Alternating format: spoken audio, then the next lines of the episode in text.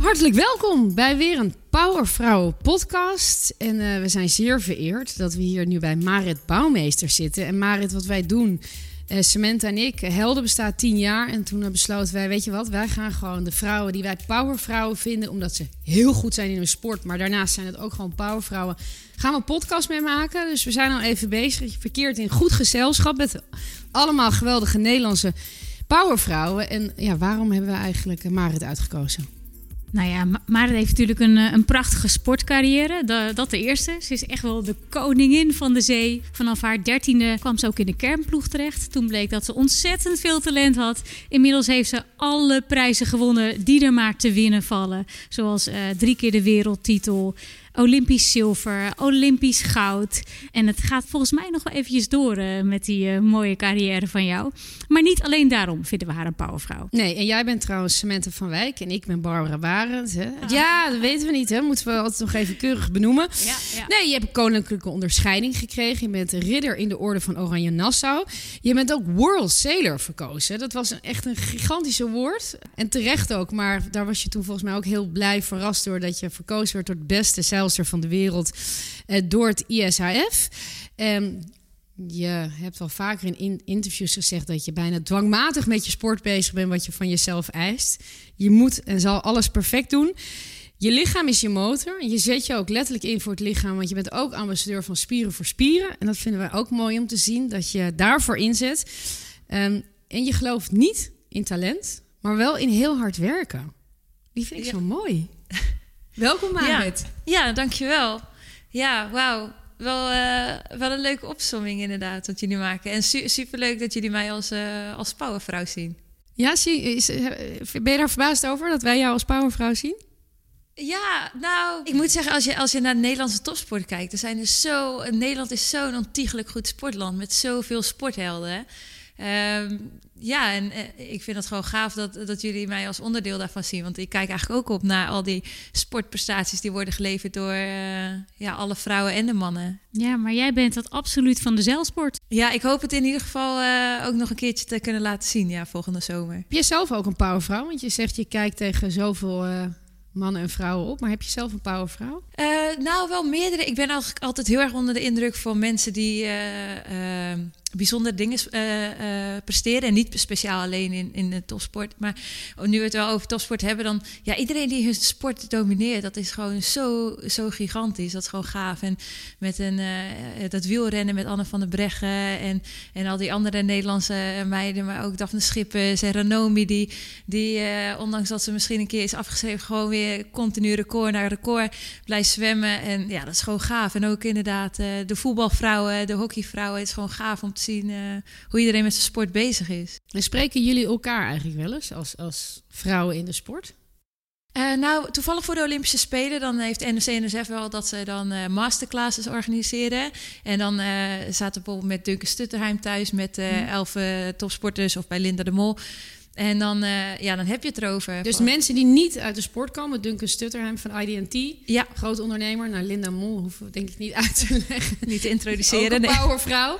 En, ja. die, en, dan ga je een beetje met elkaar kletsen over... Ja, over van alles. Wat het thema ook is. Presteren onder druk in de media. Of uh, uh, alle issues die je tegenkomt. En dan kom je er eigenlijk achter dat, dat je sport eigenlijk maar een metafoor is. En dat het eigenlijk de mindset is en, en de drive. En dat eigenlijk alle, alle, alle omstandigheden wel hetzelfde zijn. En ja, de, de een doet dan de turnen, de ander doet hockey, de ander, zoals ik doe, zeilen. Maar uh, eigenlijk is alles heel erg uh, vergelijkbaar. Je hebt allemaal maar één doel en dat is winnen. Ja, en je hebt dezelfde, de vaardigheden zijn anders, maar de competenties zijn natuurlijk uh, het doorzettingsvermogen, dat het soms net niet lekker loopt, uh, de issues, de, soms van buitenaf commentaar wat je krijgt, alles is dus natuurlijk een beetje het, wel hetzelfde waar je mee te maken krijgt. Maar je ja. kijkt ook een beetje alsof je dat opvreet. Alsof je dat ook echt inspirerende dagen vindt. Ik kan me ook voorstellen dat, dat er sporters zijn die zeggen... wil ik helemaal niet heen. Ik wil alleen maar uh, eendimensionaal... In mijn bubbel zitten en met mezelf bezig zijn. Ja, maar het geeft ook wel veel energie. En zeg maar, zoals je nu uh, Kiki Bertens uh, alles ziet domineren. denk je, ja, hoe gaaf, weet je wel. En eerst dan uh, dat er werd gezegd dat ze misschien metaal nog stappen moest maken. En hoe je nu die interview leest, ja, dat, dat, dat denk je, ja, dat is gewoon spot on. Alles wat zij zegt, dat, dat heb je, herken je ook. En herken jij dat zelf dan ook? Ja, ook wel heel erg. Dat ze zegt ook nu, volgens mij het laatste interview... waar ze zegt van uh, steeds meer hier en nu. En ondanks dat mensen verwachtingen hebben... en ondanks dat je zelf waarschijnlijk verwacht dat je echt alles gaat winnen... dan nog moet je altijd uh, weten hoe kom je daar. En dat is gewoon inderdaad in het hier en nu zijn. En datgene wat je kan zo goed mogelijk doen op dat moment. Dus dat is wel echt heel herkenbaar... om dat ook uh, terug te lezen bij andere sporters. Dat is mooi, hè? Dit, dit, dit, leent zich voor een goed gesprek. We hebben dit al een paar keer gehoord bij andere ja. pauwvrouwen. Dus dit wordt vast weer een hele leuke ja. middag. Maar de eerste... Maar dit, waar zijn we? Ja, wij zijn... Ja, vragen we altijd. Ja. leuk, want het is podcast. Ja, je het klinkt een beetje hol hier. Dus de mensen die geen beeld hebben, die denken... Zitten ze op het toilet vandaag? Of, uh? ja. ja, we, zijn in het, uh, we zitten in mijn huis. Samen, dit huis heb ik samen gekocht met mijn vriend. En we hebben hier uh, acht maanden lopen verbouwen. Zelf?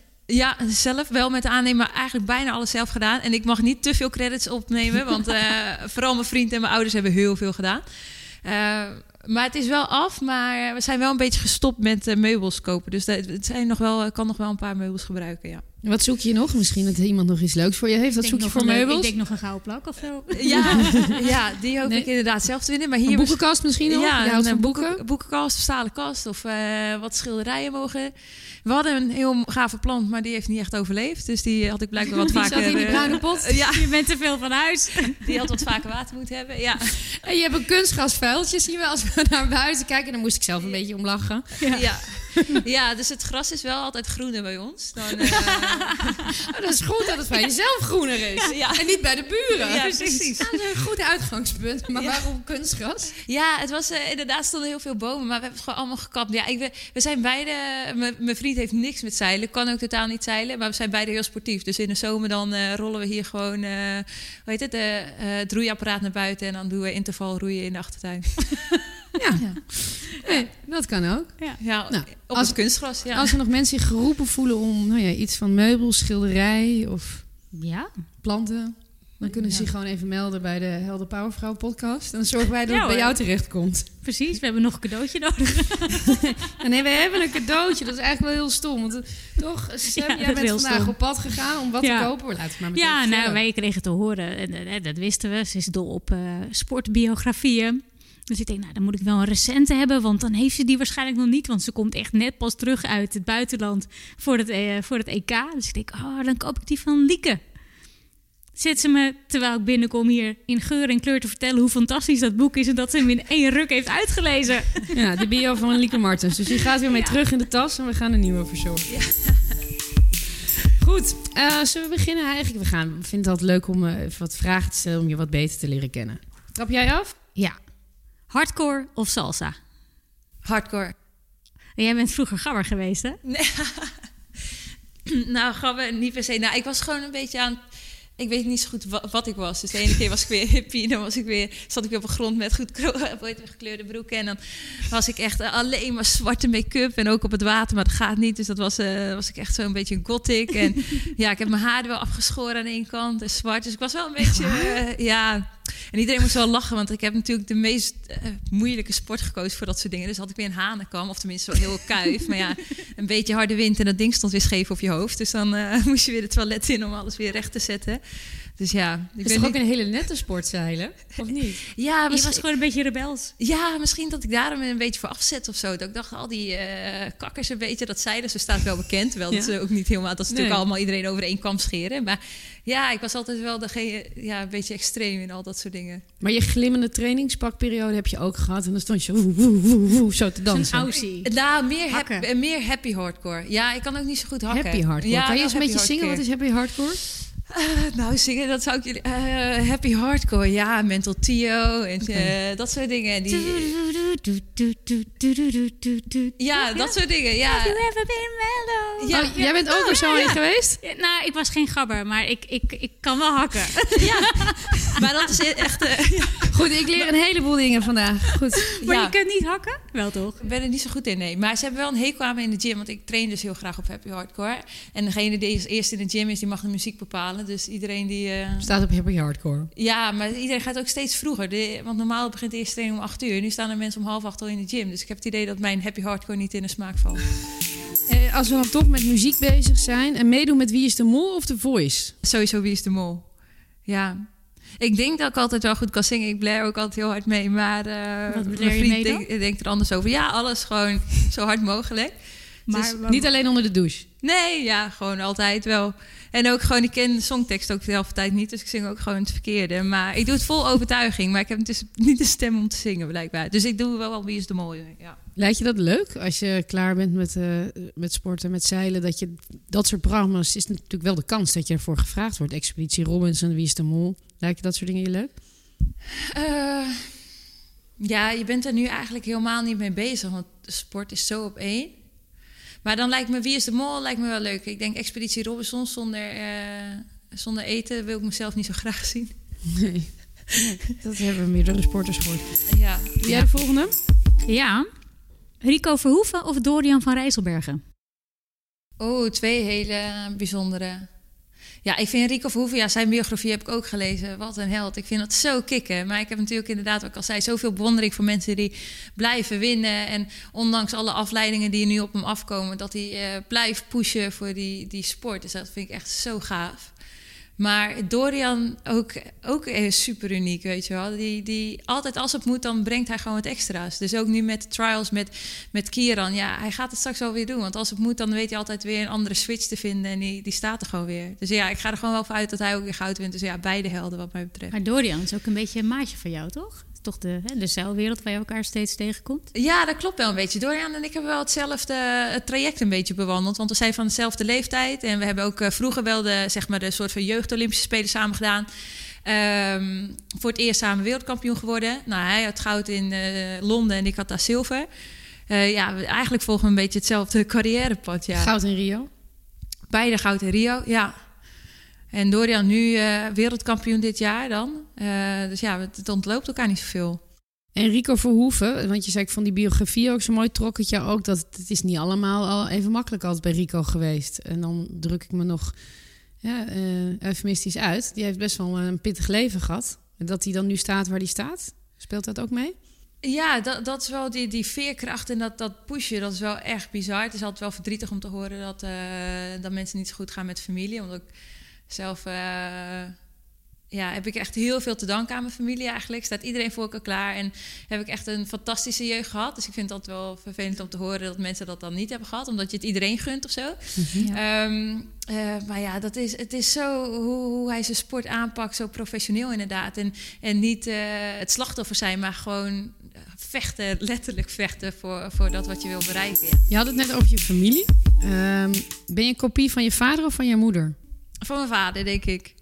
Ja, maar qua uiterlijk, qua beide. Bij mij kan je niet missen of ik uh, van mijn vader of mijn moeder ben. Ik heb zeg maar, ik lijk zoveel op hun twee. Uh, en op mijn broer en zus ook. Dus we zijn echt uh, alle drie lijken op elkaar. Maar qua in, qua ja, ik denk qua persoon wel op mijn vader. Ja, dat sportieve. Ja. Ja. En dat harde werken. Dat is wel echt mijn vader. Maar ik moet zeggen, mijn moeder kan ik ook niet uitvlakken. Want die, als je daar een spelletje mee speelt, dat is gewoon oprecht niet leuk. Die is zo fanatiek. Die wordt ja. ook gewoon gemeen. Ja. ja, ook vroeger toen je kleine waarheid was? Um, nou, daar kan ik me niet zo heel veel van herinneren. Behalve dan dat ze al altijd positief hebben gestimuleerd. Maar okay. mijn ouders hebben niks met zeilen. Dus ik weet wel dat ik altijd begon te janken als ik dan niet kon winnen. En dan kwam mijn vader wel naar me toe en die zei... Ja, ik wil je wel helpen, maar ja, kan die sport eigenlijk ook niet. Hoe ben je dan ooit begonnen? Uh, nou, mijn opa die was echt een fanatiek zeiler. Dus uh, die komt natuurlijk uit Friesland en uh, die deed altijd de Sneekweek mee. En mijn broer die zei van de een op de andere dag van... want we waren opa aan het aanmoedigen van ja, ik wil zeilen. Mm, en mijn ouders die stimuleerden altijd alles. Dus die reden ons overal heen. Dus we zaten op accordeonles, heb ik nog gedaan.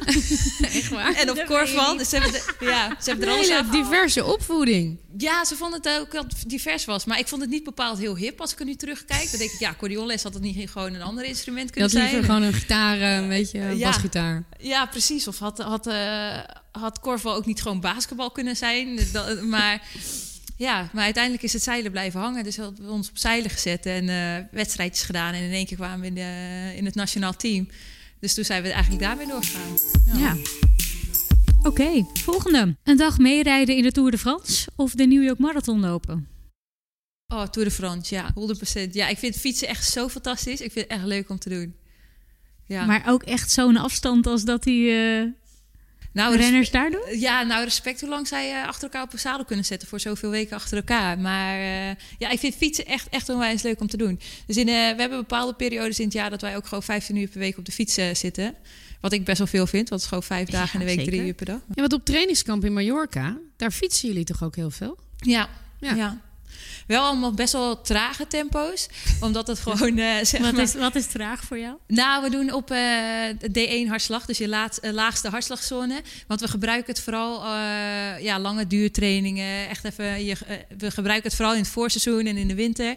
Om echt even grote basis neer te zetten. En richting het seizoen wordt alles kort en krachtig. Hè?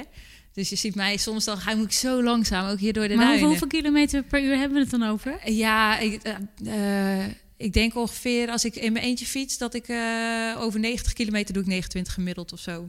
Ja, dat is heel en langzaam. Dat, dat vindt ze langzaam. Heel langzaam. ja, ja, maar dan word je echt soms ingehaald. Ja. Dat mensen zo hard je inhalen dat je er gewoon achteraan wil schreeuwen. Ik kan wel harder, mag niet harder. Nee, zij mag niet met ons mee fietsen. Nee, maar. Wij fietsen wel eens, maar wij vinden 29 in het uur vinden wij best goed als we dat halen. Zo. Ja, nou ja, het gemiddeld hè? Ja, je, dan, mag, dan moet je wel iets harder doortrappen. Maar je hebt natuurlijk ook altijd wel wind mee. Dus dat scheelt ook altijd, zeg maar, wind heen, terug, wind mee. Ja, oh, ja. Okay. Nee, want ik heb jou wel eens... Uh, ja, dat was toen in Medemblik. Toen zei je, ja, ik ga even naar mijn familie fietsen over de afsluitdijk, even drie uurtjes. Ja. Even. Ja. Maar jij vindt het gewoon lekker ook om pijn te lijden, of niet? Ja, ik vind dat... Ik, nou ja, ik wil in sport, hè? Ja. Ja, nee, je begrijpt, je begrijpt wat ik bedoel, toch? Om gewoon een beetje als jij helemaal kapot gaat, dat vind jij gewoon fijn volgens mij. Ja, ik vind hard werken komt wel uh, natuurlijk voor mij. Ik vind het moeilijker om zo nu en dan gewoon te rusten. Dus ik ben nu ook zeg maar wel naar een haptonoom en mediteren. En dan in het begin vond ik dat zo lastig. Want ik dacht, mediteren heb ik echt de tijd niet voor, weet je wel. Ik moet uh, lekker rammen. Dus uh, ja, en hoe was... gaat dat dan als jij gaat mediteren? Ja, dan, ik doe het vaak s ochtends en s avonds. En dan ehm, uh, ja, dat is gewoon ook, ook net zoals bij een haptonoom. Gewoon voelen, meer in het hier en nu. En uh, ja, ontspannen, dingen loslaten. En soms een geleide uh, meditatie. Maar ja, ik moet het. ik zie ja, nee, ik moet lachen, omdat ik probeer het ook te doen. Maar ik lijk een beetje op je. En ik heb mezelf ook aangepraat dat het goed voor me is. Maar volgens mij, ik, ik voel het niet altijd helemaal niet nog. Worden. Heb jij dat niet ook? Oh, nou, soms zet ik hem na een minuut al uit. En denk ik, ja, ik ben hier te druk voor. Maar dat is natuurlijk het hele idee van meditatie. Doen, ik moet dat doen. Ja. Maar mijn vrouw komt dan wel eens binnen. En dan zit ik te mediteren op de slaapkamer. En dan zegt ze, ben jij nou aan het doen? Naar wie luister je? Ja. Wat is dat voor een urbanus waar je naar luistert? Een of andere Belg. Nou, je bent echt gek. Nou, ik zit te mediteren. Ik ben er helemaal uit. Ja. Misschien kun je beter yoga gaan doen. Of zo. Nee, wij gaan wel gewoon samen. Ja, het is toch een beetje hetzelfde. Meditatie, yoga of meditatieve yoga doe ik ook. Ja. ja. Oh, ja.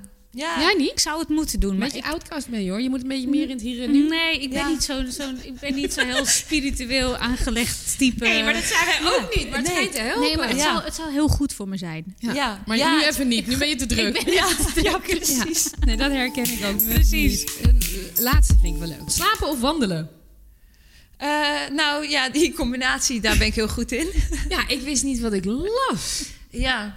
Maar best wel eng, want jij slaapwandelt heel veel en je doet best wel veel in je slaapwandeltoestand. Ja, en dan heb ik ze nu en dan periodes totaal niet. En dan, uh, ja, afgelopen periode bijvoorbeeld wel. Ik ben net terug uit het Europees kampioenschap in Porto. En dan uh, slaapt mijn broer, en mijn coach, die slaapt in een, gewoon een andere kamer in het appartement. En die zit dan ook gewoon rechtop op zijn bed. Omdat ik gewoon ja, of ik uh, loop maximaal te schreeuwen. Of uh, ik loop gewoon met mijn dekens door de appartementen. Maar in je slaap praten kan nog wel. Maar jij, jij zet zelfs, zelfs een fiets voor, een, zeg maar, voor je balkondeur. Omdat je bang bent dat je anders het balkon opstapt. Ja, ik heb één keer ben ik wakker geworden dat ik uit het raam hing. En toen was ik helemaal nat geregend. En toen werd ik zelf wakker. Want meestal als ik met iemand slaap, dan uh, word ik wel wakker gemaakt, zeg maar.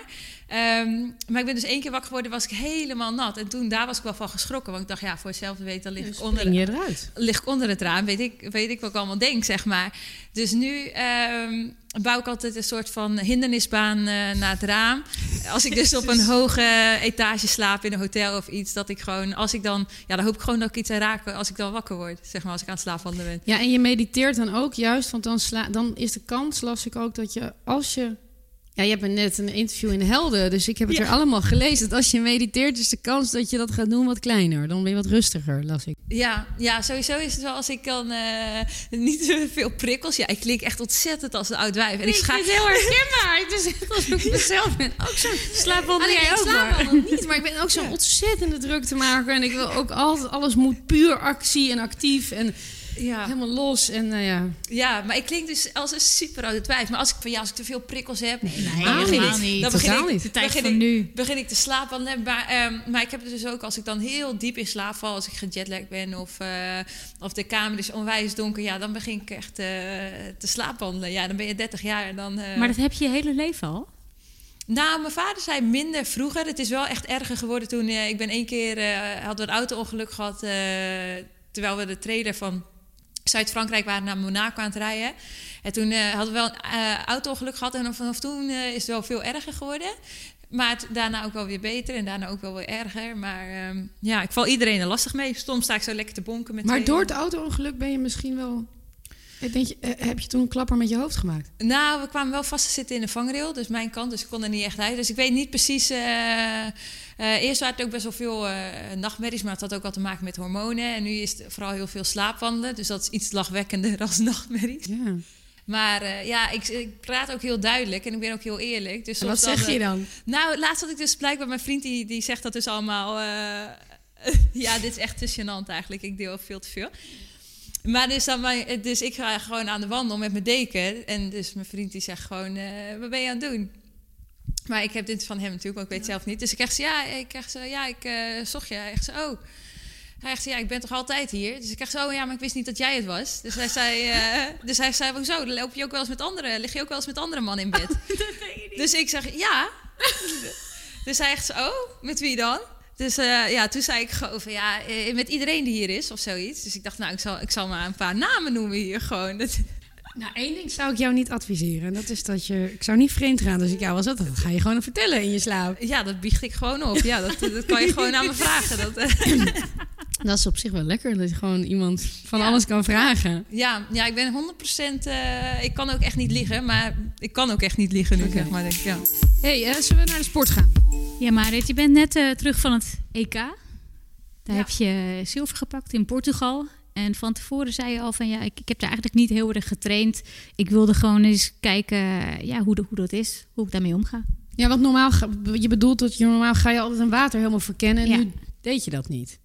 Nee, dat klopt. Nou, dit jaar is sowieso wel lastig, want uh, we zitten natuurlijk zo dicht op Tokio en ik ben al geselecteerd. Dus ik kan echt mijn moment kiezen wat wil ik doen, wat niet. Uh, en dit jaar heb ik echt voor gekozen om al mijn tijd in Tokio te spenderen op het Olympische Waterhal. Uh, en daarnaast heb ik uh, mijn broer natuurlijk als coach zijnde nu.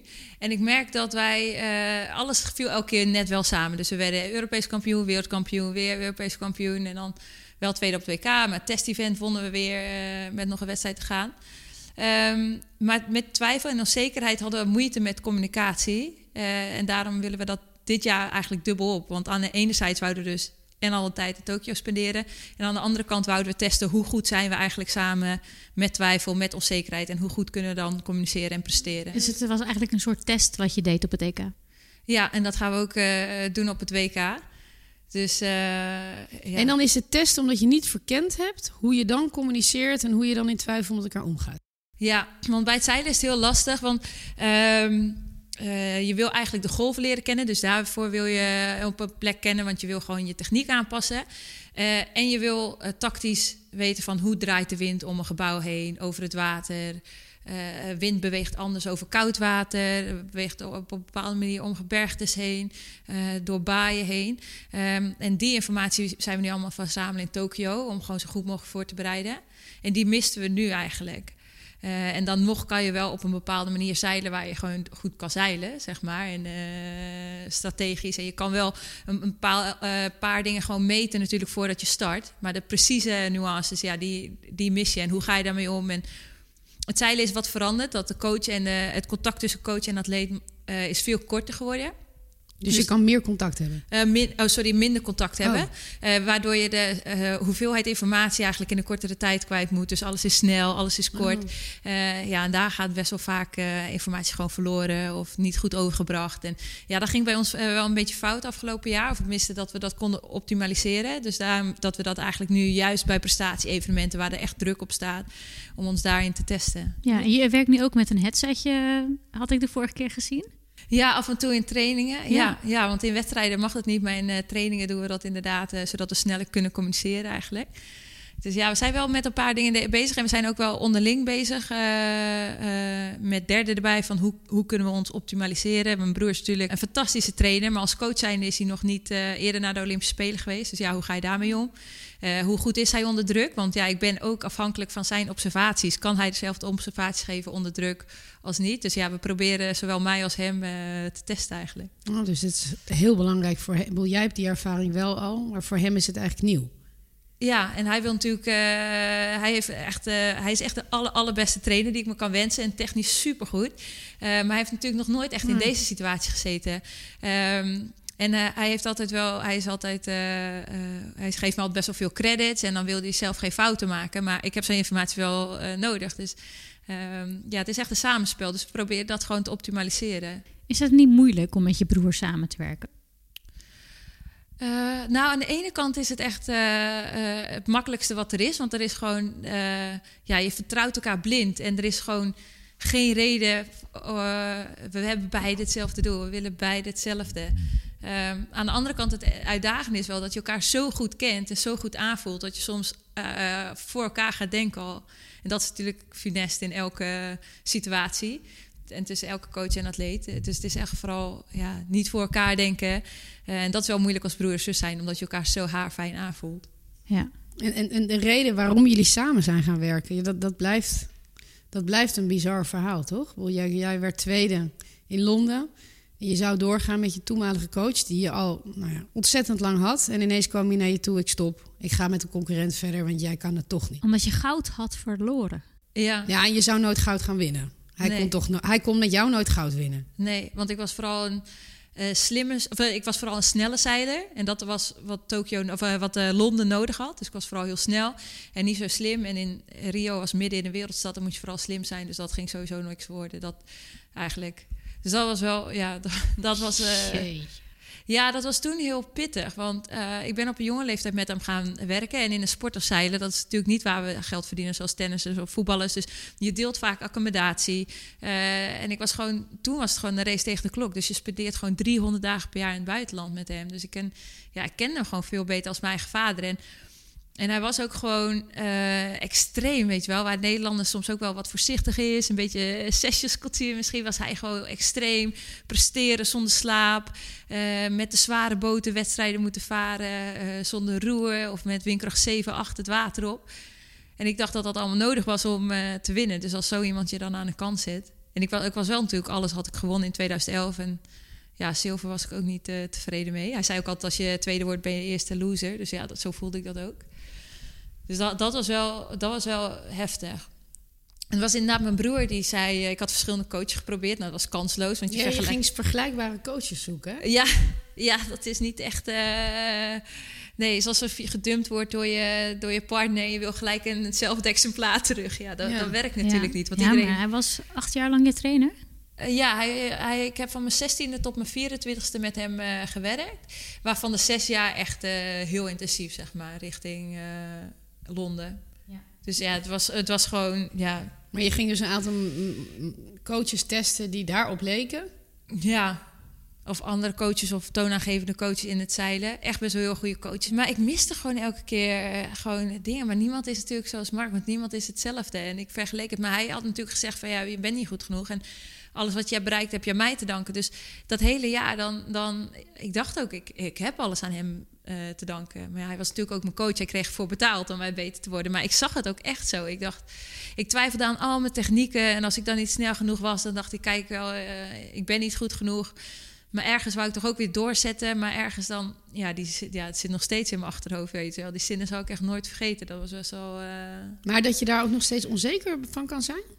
Nou, dat, dat niet, zeg maar. Ik gebruik het nu vooral om kracht uit te halen. Omdat ik daar gewoon... Uh, die twee, 2013 was gewoon voor mij een ramp. En mijn relatie ging toen uit met... Uh, ik ging ook met, met Ben, ja, met zeiler. En mijn trainingpartner ging een andere boot kiezen. Dus ik dacht, nou, ja. En je schrijft het ook zo leuk. En je ex kreeg een hele leuke vriendin. Dus ik kan ook niet zeggen dat dat een stom wijf was, toch? Nee, nee echt bloedmooie vrouw. Ja. En volgens mij nog een top vijf ook nog. Dacht, ja.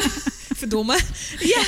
dus jij zat hier gewoon een beetje alleen op de bank? Ja, nou, dit, ja, dit en was... niet eens hier? Nee, ik zat echt in Leeuwarden in 50 vierkante meter uh, was ik. En ik zat met vriendinnen echt in een treurig appartement. En die zei, ja, sorry Marit, maar uh, ja ja, is best wel een lekker wijf gewoon. ja, ja, Dat je gewoon slecht wil praten over iemand en dat dat niet eens kan. Dat je denkt, nou... Maar, toen was er ineens je broer. Ja, toen was het best wel... Ik was weer echt teruggegaan en weer we daar. Nee, kom maar even binnen. Hallo. Kom dan. Hi. Dat is hem dan. Dat is Diederik. We zijn even in gesprek. Hi. Hi. Ja, je hebt het huis zo mooi gemaakt. Hi. Samantha. We zijn blij dat het af is. Ja. Gelukkig. Nou, nog wat aan de muur nu nog, hè? Een beetje hol hier, hè? Hebben jullie er last van? Een klein beetje, een klein beetje, ja. Ik heb gisteren ook te bellen. Toen zei iemand van, zit je eh, op de badkamer of zo met me te bellen? Ik zei, nee, ik zit gewoon in de woonkamer. Dus er moet er even een kast bij. Ja. Ja, We hebben net een eh, opboek gedaan. Een boekenkast. Een boekenkast, ja. je was aan het vertellen, toen was daar je broer. Ja, en uh, ik was weer terug en een beetje naar de baas gegaan. Uh, wat je denk ik altijd doet als je je niet zo lekker voelt. Naar familie, vrienden. Veel Friesland, veel door Friesland uh, gefietst. En toen zei mijn broer van ja, zo kan het niet langer. Ik ga je helpen. En die, toen ben ik gewoon letterlijk met hem gaan trainen. Hij in de boot en ik. Want je broer, dat is ook nog wel bijzonder, was, had dezelfde droom als jij. Maar ja. die moest ineens stoppen omdat hij hartproblemen kreeg. Ja, dus in 2012 had hij zich gekwalificeerd eigenlijk voor de Spelen. Maar hij heeft de onderlinge trials toen verloren. Maar ja, toen had hij al een hernia en hij had... Uh, hartproblemen. Dus hij heeft twee hartoperaties gehad, maar dat is nog steeds niet oké. Dus zijn hartslag gaat bij inspanning gaat hij gewoon naar de 180, naar de 240 en dan blijft hij daar. Dus op een gegeven moment, ik heb een paar keer met hem getraind, dat je gewoon uh, achterom keek, dat je denkt, ja, hij ziet er, we zijn in de warming-up en hij ziet eruit alsof hij al acht keer op de US heeft beklommen. Ja. Dus dat is wel echt... Uh, de andere kant van de medaille is ook best wel raar. Want eerst was ik altijd zusje van en nu in één keer ben ik de broer van geworden. Um, maar hij is toen wel met mij gaan trainen. Uh, en toen hebben we wel Jaap Zielhuis als coach erbij. Dus was een beetje een driehoeksverhouding. Ja. En na Rio dacht ik eigenlijk gewoon, ja... ja ik wil je als coach. Ja, hij is gewoon... Uh, en ik ben ook gegroeid als persoon zijnde. Ik ben onafhankelijk geworden. Ik kan zelf beslissingen maken. Ik dacht, nou, ik, ben, ik kan beter mezelf coachen. Dus ik heb gewoon vooral iemand nodig die zo goed is in het zeilen. Dus ja, dat was mijn broer. Ja, en, en vind je dan ook nog wel spannend? Want je zegt, jij hebt allemaal een keer meegemaakt. We moeten nu kijken of hij de druk aan kan van het coachen.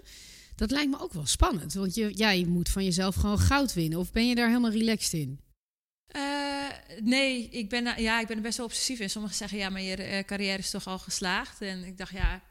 nee, je bent obsessief in goud winnen. Maar is het dan niet ook best wel spannend dat je niet weet of je broer dat moment, dat qua coaching aan kan?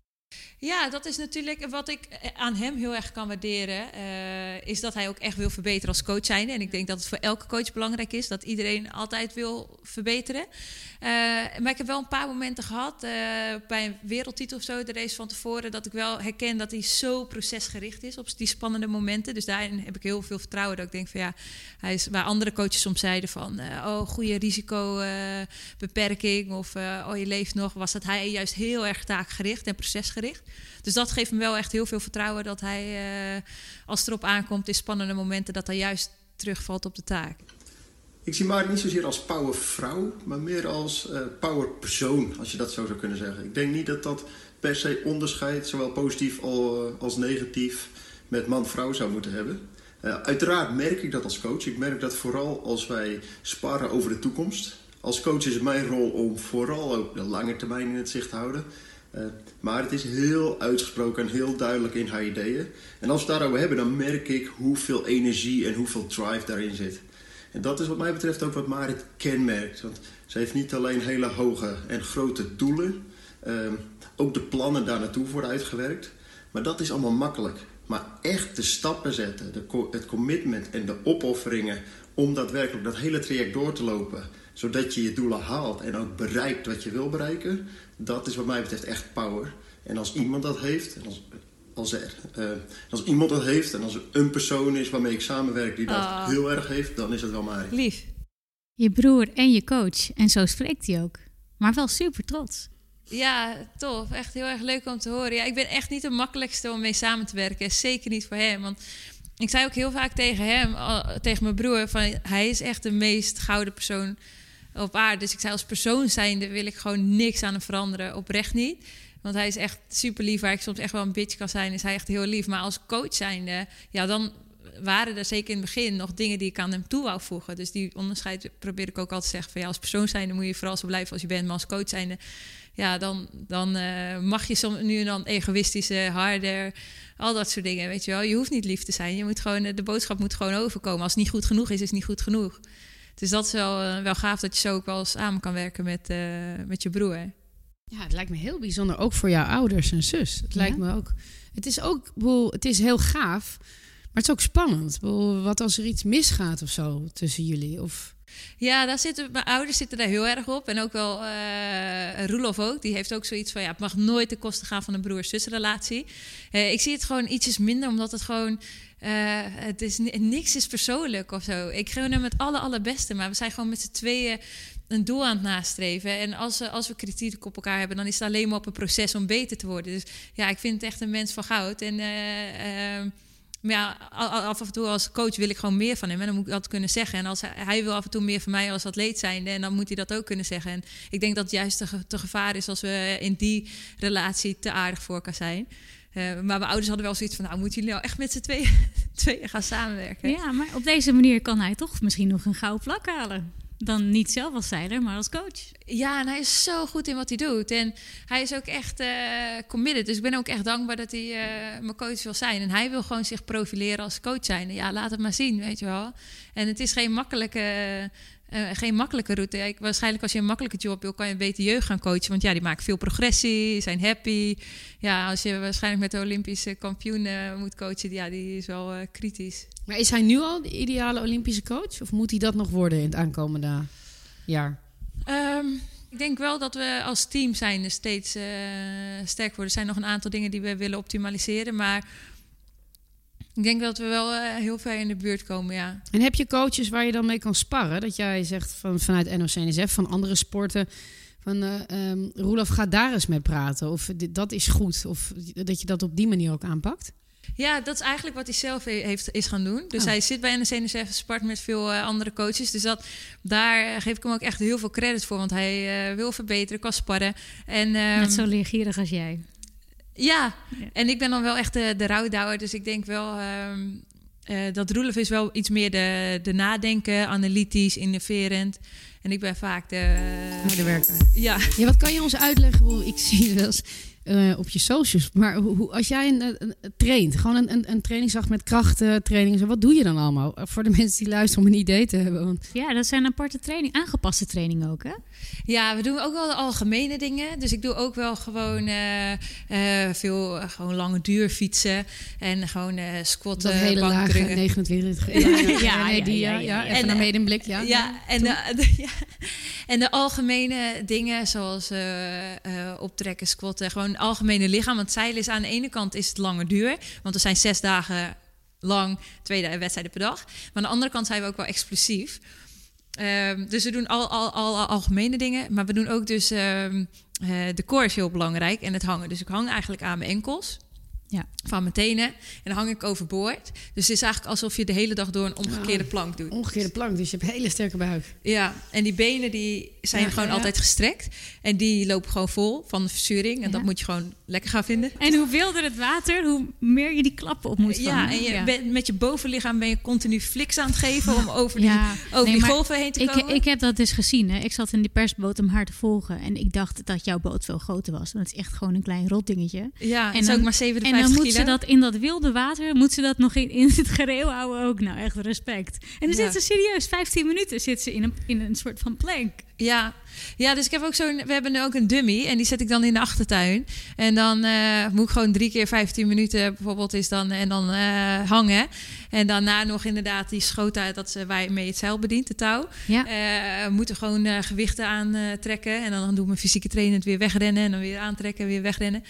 Maar ze verklaren me hier wel eens voor gek, want de buren die kunnen dus in mijn tuin kijken. Dus die uh, zien me af en toe gewoon uh, in mijn sport BH uh, hangen en zeggen, ja, ben je eigenlijk aan het doen? Dus ik dacht, ja, drie kwartier pijn lijden en gewoon eh, hangen. En, eh, want ja, ik doe als ik hier statisch hang, zeg maar, dat is dan eh, ja, is gewoon hangen en doet gewoon pijn. En je buikspieren beginnen te trillen en je benen. eh, Drie kwartier hang je dan. Ja, Dat moeten wij dus ook nu gaan proberen. 29 uur en we moeten dan daarna nog drie kwartier gaan.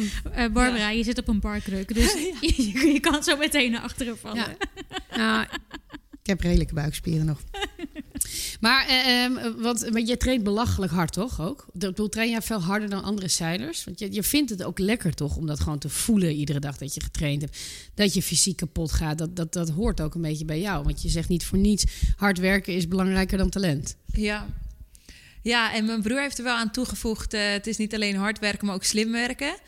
Eh, en efficiënt. En eh, voor 2016 heb ik echt, echt keihard gewerkt. En nu merk ik dat ik gewoon slimmer moet gaan trainen. Want mijn lichaam die, eh, kan het anders niet aan. Dus ik heb gewoon overal mist een beetje kraakbeen. Dus als je eh, een beetje zeg maar dom gaat trainen, dan heb ik continu een Ja. blessure. Dus daar zitten we nu wel meer op. Dus ik heb heel bewuste keuzes gedaan. Zoals wat je zei net met eh, fietsen of lopen. Ja, lopen gaat gewoon niet. Want de knieën zijn zo belastend bij het zeilen. Ja. Ja, als ik ook nog ga rennen en sprongvormen gaan doen, dan ja, trekken mijn gewrichten dat niet meer. Dus we zijn wel slimmer gaan trainen. Dus ook wel een beetje op een andere manier. Ja, nou ja, je bent nu d- 30. 30, ja. Zijn dat je laatste spelen dan? En het hoeft niet per se als zijde zijnde. Zeg maar, ik zou nog eentje kunnen doen. Maar als Marit zijnde? Ja. Ja, ja ik, weet, ik vind dat sporten zo leuk. Het is gewoon gaaf om beter te worden. En als je op het hoogste niveau kan meedraaien. Maar het is echt, nu is het gewoon eh, een hele kwestie van... ja, hoe lang kan ik mijn lichaam heel houden om eh topsport te blijven doen? Maar dat is denk ik voor elke topsporter die op leeftijd... ja, het klinkt een beetje raar als je 30 bent... Ja. Maar elke topsporter die op leeftijd komt, ja, hoe lang kan je lichaam heel houden? En dat hangt een beetje, ja, dat definieert een beetje hoe lang je je sport kan blijven doen. En je zei al, je woont dus heel veel in, in, in Tokio. Daar heb je ook een appartement. Ja, ja, En, en daar ben je dan, zijn jullie dan heel veel samen, Roelen van jij. ja. En dan, dus je kent nu de golven, je weet hoe het om de gebouwen de wind komt en over de bergen. Ja, met meteorologen gewerkt over eh, alles. eh, want wat als er een eh tyfoon overkomt? Dat hebben we natuurlijk niet gezien. Dat is echt zo'n natuurding wat, wat we in Nederland helemaal niet kennen. Ja. Ja, wat, wat voor invloed heeft dat op... Maar ga je dan wel zeilen als er een tyfoon is? Ja, het kan wel, want het, hoeft, het kan veel betekenen dat heel veel regent. Soms komen er juist gigantische golven. Het is echt een beetje een weersysteem, wat niet altijd betekent dat het super harde wind is, grote golven en regen. Soms is het een van die dingen. Maar wij maken dat niet zoveel mee. Dus ja, daarop voorbereiden, op al die eh, dingen. Maar Rio was wel Maar dat vind jij gaaf, want je glundert als je het vertelt, die, die heftige weersomstandigheden. Ja, dat vind ik wel gaaf, ja. Ja, hoe harder, eh, hoe harder de wind, hoe hoger de golven, hoe leuker ik het begin te vinden. Ja, Nooit bang. Nee, alleen voor, alleen voor mijn broer. Omdat hij... eh, kijk, bij mij het ergste wat fout kan gaan is ik sla om of ik breek een mast af en dat komt allemaal goed. Alleen de coach die zitten dus in een rubberboot. Dus die staan soms op zo'n golf, staan ze verticaal.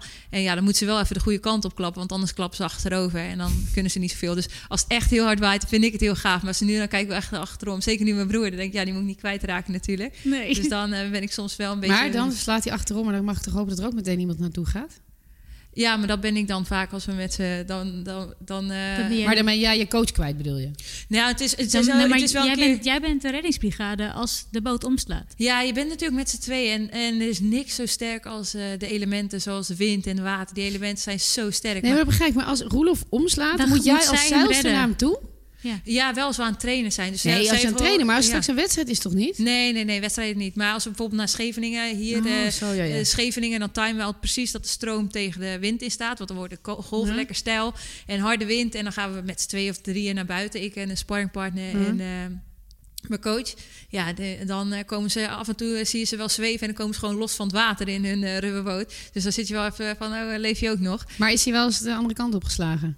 Nou, eigenlijk niet. Een andere Nederlandse zeilcoach wel. En ooit is er zo ook wel eh, een coach verzopen... omdat ze natuurlijk heel grote pakken aan hebben en laarzen. En dan, eh, maar, Mhm. Dus dat is, dat, eh, daarom ben ik altijd wel een beetje spichtig. Maar laatst gaat het ook goed. Maar mijn broer die heeft dus wel...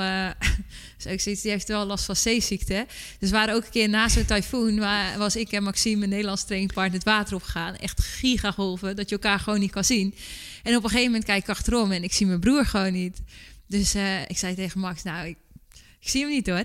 Dus wij uh, wint mee met de golven. Want uh, ja, dan heb je wel even een verhoogde hartslag. Maar hij was zo zeeziek geworden dat hij was aan het overgeven. Maar de golven die uh, brachten hem steeds dichter naar het strand. Maar dan heb je wel even zo'n momentje dat je denkt... nou, ik hoop dat alles goed gaat. Het is toch een gevaarlijke sport, hoor. Ja, heel heftig. Um, als het, is het alleen maar geslaagd voor jou als het goud is? lastige vraag. Normaal zou ik altijd gelijk ja zeggen, 100%. Ik wil alleen maar goud en voor niks anders doeken. Maar voor sport, um, het is niet per se dat je geluk nodig hebt, maar je hebt vooral geen pech nodig. Dus je weet eigenlijk nooit hoe het gaat. Je kan altijd pech hebben en, um, en dan toch tweede worden. En dat zou een goede prestatie zijn. Dus het is wel lastig te zeggen. Maar als je het heel erg uh, globaliseert, zou ik zeggen: ja, ik doe het echt alleen maar voor goud. Zo zilver op een EK, ja, het is. Het, aan de, ja, het zegt me gewoon echt niks. Het is lekker dat ik niet tiende ben geworden, want dan ben je zo ver van je game af, zeg maar. Maar ja, je maakt mij niet echt gelukkig mee. Maar je hebt gezegd, ik train nu zo hard dat als ik op mijn 80% zeil, ik even goed nog goed genoeg ben voor goud. Ja, dat is wat ik wil nastreven, ja. Hoe dan? Nou, iedereen zegt altijd vaak uh, bij een Olympische Spelen wil ik pieken. Ik moet mijn beste race ooit neerzetten. Maar dat is natuurlijk eigenlijk heel raar. Want dan geef je jezelf zoveel druk. Dat betekent dat je iets moet bereiken wat je nog nooit eerder hebt bereikt. Nou, als je ergens veel druk van krijgt, is dat het wel. Dus ik dacht van ja, dat is toch en, en ik denk ook niet dat het mogelijk is. Ik denk niet dat er zoiets is op een moment boven je uitstijgen. Want dan heb je dat eerder al in de training al een keer laten zien. Of dat is gewoon je eigen niveau halen. Dus ik dacht dat dat het enige wat je kan wensen is. Dat je op, op een groot evenement, een groot toernooi, je eigen niveau haalt. En niet zoveel prestatieverlies hebt. Dus ik dacht, ja, eigenlijk wil je gewoon zo hard trainen dat je op je 80% al wint, zeg maar. Ja, oké. dus je weet gewoon als jij 100% haalt, nou dat is fantastisch. Maar ook als je 80% haalt, dan ben je goed genoeg om goud te winnen. Ja, dat Zo wil je je voelen. Ja, en dat je zeg maar als je één foutje hebt, dat je niet gelijk panisch. Uh, en zeker in de sport als zeilen, je gaat gewoon één keer een golf niet goed raken. Je gaat een keer de wind verkeerd inschatten uh, en niet 100%, maar dat je gewoon gewoon vol zelfvertrouwen weet van oké, het is ik hoef niet continu boven mijn eigen niveau te presteren om te winnen. Dus dat is eigenlijk wel een beetje wat ik probeer na te streven. En kan jij daar helemaal van leven, van zeilen? ja. goed van leven? Uh, nou, ik weet niet wat de definitie van goed van leven is, maar ik kan wel. Maar die kan je eh, zelf denk ik beantwoorden. Of je er goed van kan leven. Wat voor jou. Ja, ik ben sowieso echt super dankbaar dat ik van, uh, van mijn sport mijn werk heb kunnen maken. En dat ik gewoon uh, een goed en, en leuk leven kan leiden. Ja. Als je het vergelijkt met sommige andere goed betaalde sporten, dan vallen we echt in het niet. Maar ik denk dat ik ten opzichte van andere sporten die alleen de A-status heb, dat ik echt wel heel uh, blij mag zijn dat ik gewoon een paar uh, privé-sponsoren heb waarvan ik gewoon uh, ook mijn optimale programma kan draaien richting KPO. Ja. Wat ik me afvraag, hè, want de coach die het met jou gebroken heeft, die kom je uh, geheid ontzettend vaak tegen, want je doet dezelfde toernooien. Hoe, hoe reageerde hij op jou toen jij goud pakte in Rio? Ja, dat was wel ironisch. Ja, het is sowieso zo'n bizarre situatie. Want hij is met een Amerikaans gaan werken. En hij sprak altijd al vol lof over haar. Van, oh, zij is zo goed, maar ze heeft een verkeerde coach. En, uh, als en ik ze is zo slim. Ja, ja, ze is zo slim. Um, maar toen, zij zijn uiteindelijk tiende geworden in Rio. Maar ik kwam precies, want ik moest echt rennen van de medailleceremonie naar... Uh, want ik zat natuurlijk midden in Tokio en de NOS-uitzending was in het... Uh, in Rio bedoel je? Ja, in Rio, sorry, ik haal alles door elkaar. Maar die, dat Olympisch dorp was best wel buiten Rio. En daar moesten snel heen, dus moesten rennen. Maar ik kwam precies hun tegen. Echt gewoon als karma. Maar ze hebben me echt geen blik waardig gegund of echt uh, zo weggekeken. Uh, maar drie weken later heb ik toen wel een mailtje gekregen. Of zo, of een paar weken later van... Uh, hey, goed om te zien dat je je potentie hebt waargemaakt. Ja, ik zag je potentie toch altijd al? Zoiets had hij toch geschreven? ja, ja, ja. En nu is hij ook met haar gebroken. En nu is hij... nu wil hij terug bij jou? Hij heeft wel een keer gepeld inderdaad dat hij dat wou. Maar ik dacht, ja, dat vertrouwen is sowieso... Ja, die basis nee, uh, volledig weg. Ja. En nu is hij... Uh, vorig jaar is de Belgische wereldkampioen geworden. En nu uh, is hij voor Team België gaan werken. Dus ja, het is, het is wel een beetje... Het is een beetje... Ja, ik gun hem met alle beste, maar het is wel een beetje de slet van het veld, zeg maar. Van ik qua coachen. Oh, wat erg. Ja, je, je, bent voor het zeilen ben je ontzettend veel van huis. Hè? Je hebt voor de, de Spelen in Rio heb je daar ook 14 tot 16 maanden heb je daar gewoond. Hetzelfde doe je denk ik nu ook weer voor Tokio. Wat vindt jouw vriend er allemaal van dat je zo vaak van huis bent? Ja, ja, dat, ja. Als ze maar niet met een andere bed ligt. Als hij maar daar tijdens de slaapwandel niet achterkomt. Ja, precies. Met slaapwandelen. Ja. Ja, nou, ik ben echt super getroffen met Diederik. En ik ben echt zo wijs blij. Maar het is super suf, want je krijgt... ehm, eh, eh, we vinden elkaar leuk. En ik had zoiets, ja, ik kan geen relatie. Want ik wil gewoon echt geen concessies doen aan mijn sport. Dus ik wil geen relatie. Maar ja, je liefde stop je uiteindelijk ook niet. En we gunnen elkaar echt het allerbeste. Dus ik ben wel echt eh, heel dankbaar voor Diederik. Want die, ja, die steunt me in alles. Het is heel goed voor relaties, hè? Want dat zouden wij ook moeten doen. Want als je elkaar dan ziet, dan is het weer helemaal... Dan is het weer weer extra maandenlang. Ja, maar dat, Ja, dat je- ken je- ik je wel. hebt geen- je hebt dat ken ik wel. Ik Ja? heb voor de MotoGP was ik continu op reis naar alle circuits over de hele wereld. Het- dat is ook zo. Ja, Dan- je hebt geen tijd om ruzie je te kijkt maken. extra naar elkaar Ja. uit om, om, om elkaar dan weer te zien. Ja. Maar, maar begrijpt hij ook echt wat jij doet? Eh, ja, hij is wel mee geweest. Vooral eh, iets vaker naar Rio dan naar Tokio. Volgens mij vond hij Rio iets leuker als eh, nu naar Japan. Maar eh, Heeft hij daar gelijk in? Is het minder leuk daar? ja, ja Zuid-Amerika was natuurlijk ja, Ja. fantastisch, toch? Ja. Er was zoveel sfeer. En Tokio, ja, het is allemaal super goed geregeld. Maar ja, die, die mensen die zijn allemaal, ja, het is allemaal zo keurig en hiërarchisch en netjes. En nou, doe maar niet iets verkeerd. En eh, het, het, het echt niet echt uit de band of zo. Het is niet echt, ja, het is heel anders. Ja. Nee. Maar je hebt wel een stoere, tenminste, we zagen hem net binnenkomen, is wel een stoere vent. Ja, wel een leuke vent, Sport, hè? sportief. Heb goed gedaan, ja, toch? Ja, je- Maar ja, jullie kunnen wel samen karaoke gaan zingen in Tokio. Ja, ja Jij met je zangtalent. persoonlijk zou ik echt, eh, ja.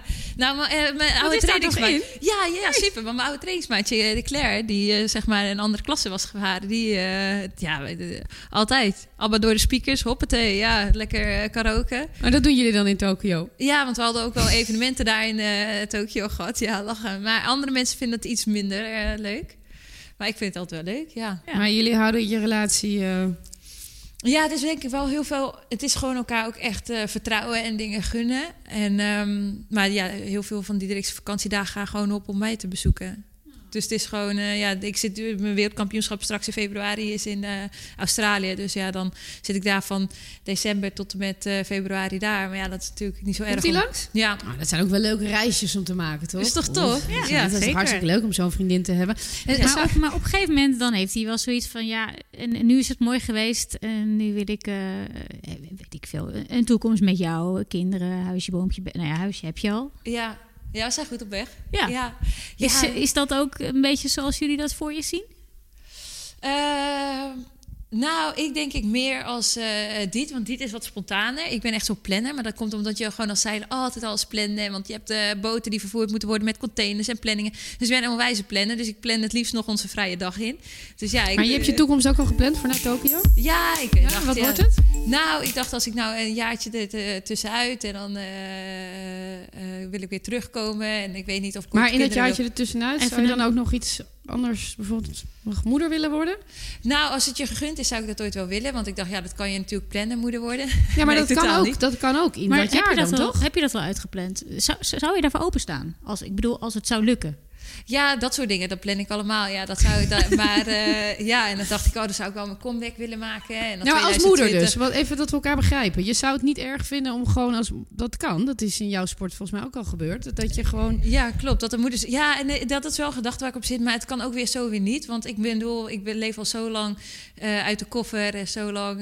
dus ik weet eigenlijk ook niet precies wat ik wil. En ik heb natuurlijk ook nog een wederhelft die er iets over te Ja, zeggen heeft. dat schijnt wel, ja. Ja, dus Ja. we moeten. Maar ik, ik, ik aan de ene kant wil ik zo graag plannen, want ik denk, ja, het was namelijk. Eh, Control freak. Ik ben echt, nou, het was de vraag of de laser Olympisch zou blijven als vrouwen eenmansklasse of niet. En nu, Ja. vorig weekend is daar de beslissing over gekomen. En mijn klasse wordt ook Olympisch voor 2024. Oké, dus, Dus dat- kan doorgaan. Ja, dus dat Ja. was voor mij wel. Ik dacht, als die niet Olympisch is, dan ik ga er niet nog een keer eh, Nee. een andere klasse. Ik weet hoeveel, hoeveel je ervoor moet doen. Dus ik dacht, ja, dan zal het wel redelijk de laatste worden. Maar nu is die klasse Olympisch. Dus dan, ja, dan zet je stiekem die deur weer op een kier. Maar je denkt, ja, wat wil ik nog meer? Wil ik ooit mijn eigen sportschool? Wil ik moeder worden? Eh, er is maar zoveel tijd eh, dat je moeder kan worden. Dat moet gepland worden. Dus ja, dan ben je er. En dan eh, ondertussen dan is Diederik al afgeleid. Die denkt, joh, zoek het lekker uit. Laten we gewoon in het hier en nu leven. We zien het wel. La- laten we gewoon in het hier en nu leven. Hè? Dus nu heb ik vooral de focus op Tokio en dan zien we daarna wel. Maar je gaat in ieder geval een jaartje vrij nemen. Of je opent dan je eigen sportschool of er gebeurt nog wat anders. En dan ben je wel van plan om nog... eh, zoals ik het nu hoor, denk je van ik ga nog één keer door. Ja, als ik op het hoogste niveau nog kan. Maar dat hangt ook heel erg van Tokio af. Maar ik wil gewoon op het alle, alle zelf blijven verbeteren en op het hoogste niveau kunnen presteren. Als ik niet meer bij de top kan horen, om wat voor reden dan ook, dan. Uh... Het hangt heel erg van Tokio af of je daar goud gaat halen of niet. Want je wilt per se twee gouden plakken, toch? Want dan ben je the greatest of all time. Ja, en het is gewoon, dat is waar je het voor doet. Dat is gewoon het ultieme. Op het moment de allerbeste zijn. Dat is gewoon wat die kick geeft. En je hebt gewoon geen excuses. En en dat is eigenlijk ook wel, uh, nou, wat je noemde bij zo'n zo'n zo'n Rico Verhoeven en ook naar mezelf. Dan denk ik, ja, dat is gewoon uh, dat is gewoon gaaf. Je wil gewoon geen excuses verzinnen. Je wil gewoon op het moment dat er moet, wil je er staan en gewoon de beste zijn. En ja, dat trekt gewoon onwijs.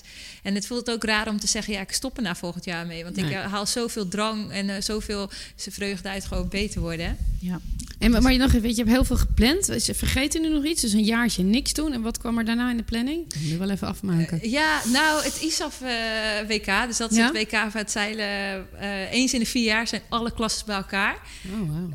Um, en dat is in Nederland in 2022. Ja, in Scheveningen. Hier, in Scheveningen, ja. Oh, dus die gaan we ook nog doen? Ja, dus die uh, ja? staat wel op de planning. Ja, misschien een eigen sportschool uh, tussendoor. Ja. En dan, uh, als ik het nog kan, dan misschien wel door tot 24. Want het is in Frankrijk, toch?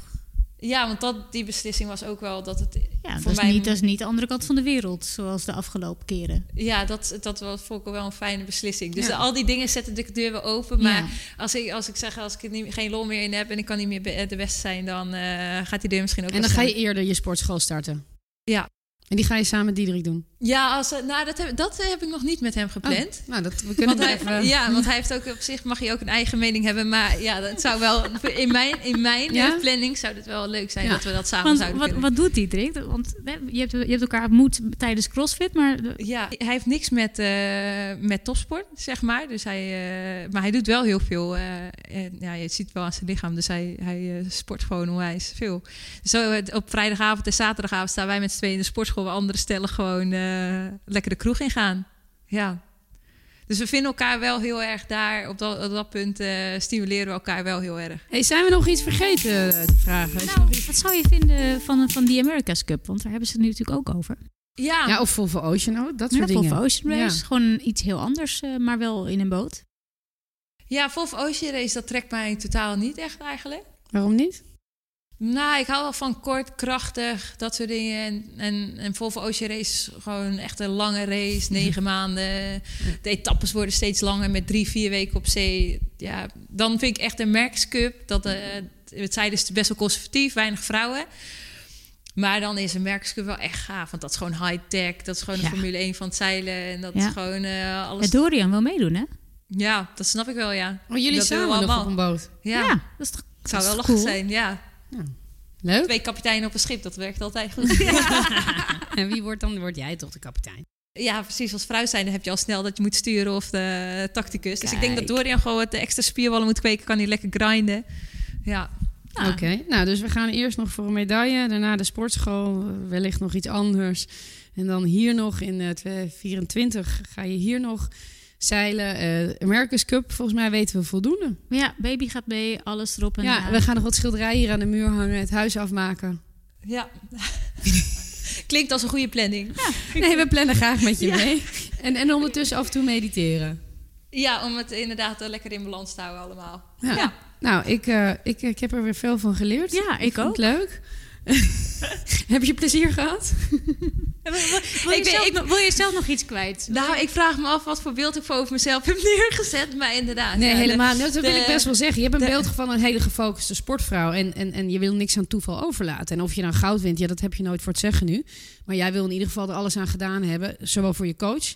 Dat Roelof daar als de beste coach staat. Jij zo fit mogelijk aan de start staat. Want dat is volgens mij wat je heel belangrijk vindt. En dat je ook slim daar uh, aan de start staat. En, en verder wil je het leuk hebben met je vriend en met ja. je familie. Ja. Heb ik het goed samengevat? Ja, absoluut. Ja. Als je een sportschool opent, want wij houden wel van sport en van afzien, dan komen we wel in die, die plank, vind ik wel leuk. Die plankbuik, die speciale techniek en tactiek. En ja, dan... maar met, ook met zo'n bal op je schoot ook, die omhoog moet. Uh, oh ja, dat, voor de billen en de buik zou ik wel goede. Maar wij komen wel bij je trainen, want het lijkt me wel gezellig om met je te trainen. Je wordt gewoon heel gezellig, volledig afgebeeld. Ja, ja ik ga, niet, we gaan niet met de fietsen. Nee. Ja, dan mag ze met ons mee fietsen. Maar het schrikt nog niet af? Nee, ik, niet ik ben dus wel bang als ik een sportschool open en ik ben al best wel eh, pittig in mijn uitspraak, maar ik ben hard voor mezelf, niet per se voor anderen. Dus misschien moet ik dat nee, toch... ik denk dat dat heel goed is. Je moet juist, tenminste zoals jij, ik, vind dat heel goed. Want bedoel, er zijn heel veel mensen die zichzelf willen pushen. En jij moet gewoon met een enorme glimlach met je hardcore muziek mensen volledig gek draaien. Ja, Ja, ik nou ja. schrijf me in. Nou, ik heb dus wel bij Deloitte al een paar trainingen gedaan. En toen deed ik eerst de presentatie. En dan voelde ik me best wel schuldig. Want er waren gewoon mensen die gewoon letterlijk over gingen geven tijdens mijn training. En ik dacht, ja, da- toen dacht ik, oh, ik had er gewoon echt bij moeten zeggen van... jullie hebben een prestatie op een ander moment. En voor jullie is sport zeg maar ontspanning en voor je fitheid. En dat is niet de main thing. En dus ik had wel zoiets van, oeh, als ik een sportschool begin... moet ik dat nog even aanscherpen. Ja. Dat mensen niet per se eh, zo obsessief hoeven te zijn als Nee, ik. Want maar je ik, kan verschillende klasjes anders doen. Anders neem je dat andere mensen die dan ook nog jou daar die weer... het op een leuke manier kunnen doen. Nee, maar het kan wel Ja. leuk zijn. Je kan wel hard trainen leuk zijn. Maar je moet, misschien is het niet handig als mensen gaan kotsen. de Nee. Eerste training. Nee. Ja, dat is ook zonde van je sportschool. Ja, dat is het inderdaad zonde van het interieur. Goed, we dwalen helemaal af. Ik vond het heel Ja. leuk. Ik hoop dat jij het ook leuk vond. Je hoeft je echt niet schuldig te voelen. Je kijkt nu met je ogen van wat heb ik in godsnaam gezegd.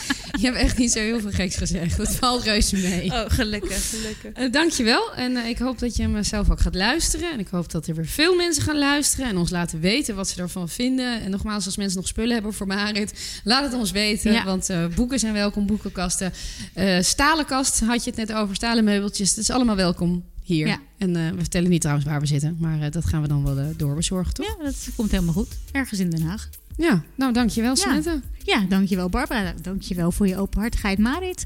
En heel veel succes eh, met, met, je, met je plannen allemaal. Ja, En eh, geniet ervan. ja, op naar goud. Ja, gaan we doen.